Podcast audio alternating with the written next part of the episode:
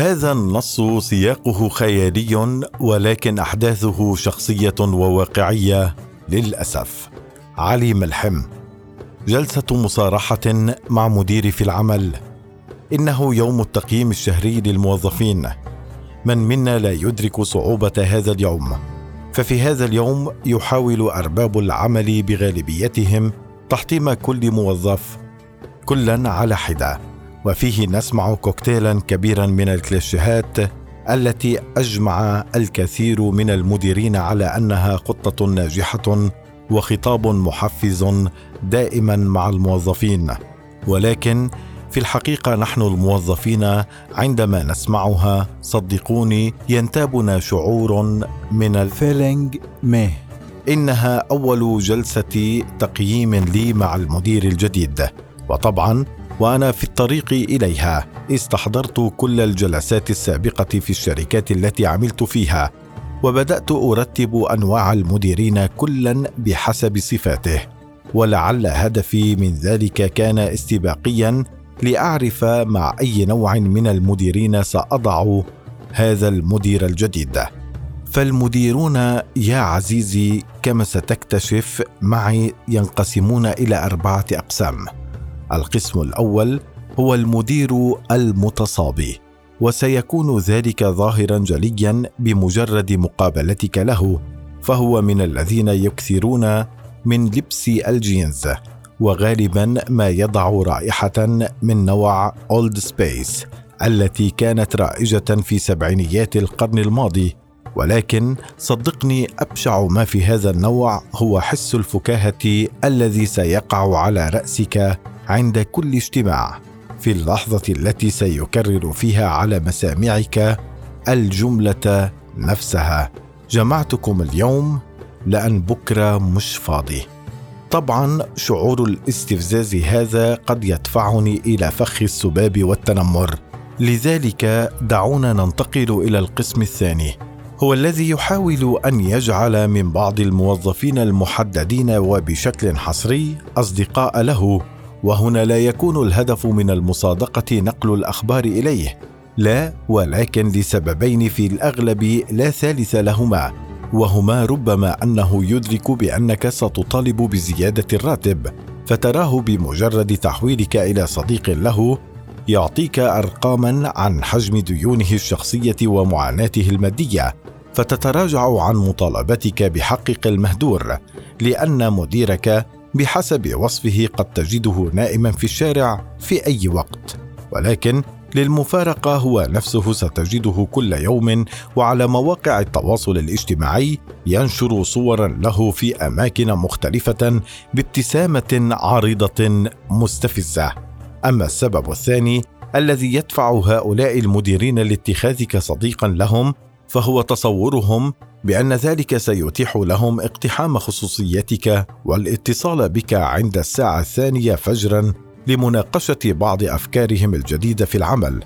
فيحاولون إيهامك بأن ثقتهم بك مختلفة عن ثقتهم بالآخرين ولكن في الحقيقة هم يريدون أن يسمعوا أفكارك لينسبوها لاحقا إلى أنفسهم لا أكثر. وهنا إن صادفتم هذا النوع فيا عزيزي وعزيزتي الموظف أو الموظفة قدم وقدمي استقالتك فورا ولا تتردد ولا تترددي الآن دعونا ننتقل إلى القسم الثالث وهو القسم المحبب إلي وهو المدير الذي كان في السابق على ما يبدو منبوذا في صغره وتجده يريد من جميع الموظفين أن يجتمعوا في مكتبه بشكل شبه يومي ليدلو بدلوه أمامهم ويقدم أفكاره المتكررة. وغالبا هذا النوع سيوكل إليك كل يوم مهاما جديدة ومختلفة عن سابقتها. ولكن لحسن الحظ ذاكرة هؤلاء تكون قصيرة مقارنة بالمهام التي يصدرونها فتراه ينسى كل ما طالبك به خلال الشهر الماضي. ويبدأ بمهام جديدة في الشهر الجديد. لذلك فإن ذاكرتهم القصيرة منفعة لنا. ولو لم تكن كذلك لكنا جميعا اليوم عاطلين عن العمل. النوع الرابع. عذرا. لقد وصلت إلى مكتب المدير الجديد. سنكمل لاحقا عزيزي وعزيزتي. ما أن وصلت حتى استقبلني بطريقة لطيفة وودودة وكانت ابتسامة لزجة ولكنها في النهاية ابتسامة تنذر بواقع جديد. أدركت ذلك جيدا عندما نهض ليجلس امامي تاركا كرسيه الرئيسي حيث كان يحمل في يده ورقة وقلما. ظننت أن الأمور ستكون مختلفة وانني ساكون لأول مرة أمام تقييم حقيقي. في بداية الحديث بدأ يشرح كيف وصل إلى منصبه هذا وحجم معاناته وكيف بدأ من الصفر ومدى عصاميته. فبدأ على ملامح امتعاضا مصحوبا بالعبارة المنسوبة إلى الزعيم المصري سعد زغلول مفيش فايدة؟ واستكمل حديثه في رؤيته المستقبلية وكيف أن الشركة معه ستكون مختلفة كليا عما سبق. وكانت الأمور اعتيادية بكل عباراتها وكليشيهاتها إلى أن قال العبارة الأكثر استفزازا لي ولأي مستمع مستقبلي لهذا المقال والتي وقعت على مسامعي كالصاعقه كما تعلم نحن هنا لسنا مجرد شركة نحن عائلة واحدة.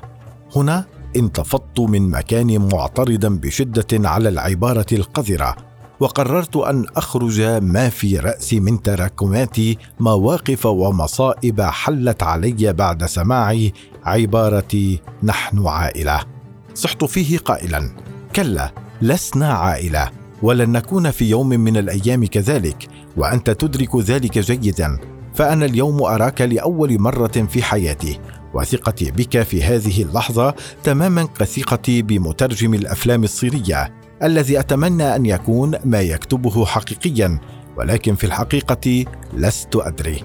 أيضا لدي أكثر من سؤال وملاحظة ستجعلك تتراجع عن هذه العبارة بما فيها من إهانة للعائلة. ففي أي عائلة لا نعيد ونكرر مصطلح نحن عائلة؟ لأننا حقا عائلة وهذا من البديهيات. ثم دعني أطرح عليك هذا السؤال. عندما تمرض في عائلتك هل يكذبوك ويطالبونك بضرورة أحضار تقرير طبي يشرح سبب تغيبك عن المنزل في ذلك اليوم؟ الجواب قطعا لا. بل على العكس ستجدهم يهتمون بصحتك ويحاولون التخفيف عنك حتى لو كنت تمثل أنك مريض. ثم هل هناك عائلة ستطلب منك القيام بواجبات إضافية تحت مسمى العائلة؟ فإذا حصل معك هذا الأمر صدقني إن المشكلة ستكون في العائلة نفسها لا في فكرة العائلة. فآخر عائلة أقدمت على ذلك في حق شعبها كانت عائلة الفراعنة وهو ما نسميه اليوم زمن العبودية لا زمن العائلة. ثم هل في حياتك عائلة منذ تأسيس أول أسرة في التاريخ لديها HR فلو أن هذا من متطلبات العائلة لكان أجدادنا قد فعلوها من ضمن العديد من العادات الغريبة التي أورثونا إياها. يا أستاذي في العائلة نأكل ونشرب وننام وتكون العائلة سعيدة إلى أن يكون لدينا ما نقوم به من مهام جماعية كالتنظيف أو تصليح شيء ما. وهنا ستجد الصراخ قد بدد السعادة في المنزل. لا لشيء إنما لأن العمل لا علاقة له بمصطلح العائلة. وفي الختام هذه استقالتي أقدمها لك وسأرحل عن عائلتك السعيدة. وهذه الاستقالة دليل إضافي بأننا لسنا عائلة. فهل تستطيع أن تقدم استقالتك من العائلة؟ الجواب لا. وفعلا خرجت من المكتب وأنا أفكر فيما قلت. وهنا تذكرت عزيزي وعزيزتي أن أقول لكم أن المدير الذي يقول لك إننا عائلة هو النوع الرابع وهو أسوأ نموذج من بين كل ما سبق من تصنيفات للمديرين. صحيح. هنا نوع خامس. هو نادر فعليا لكنه موجود. لو صادفكم حافظوا عليه وعلى عملكم برموش العيون. لم يصادفني إلى الآن ولا أعتقد أنني محظوظ إلى هذه الدرجة. وشكرا مع فائق احترامي. أتمنى ألا يسمع مديري في العمل هذا المقال.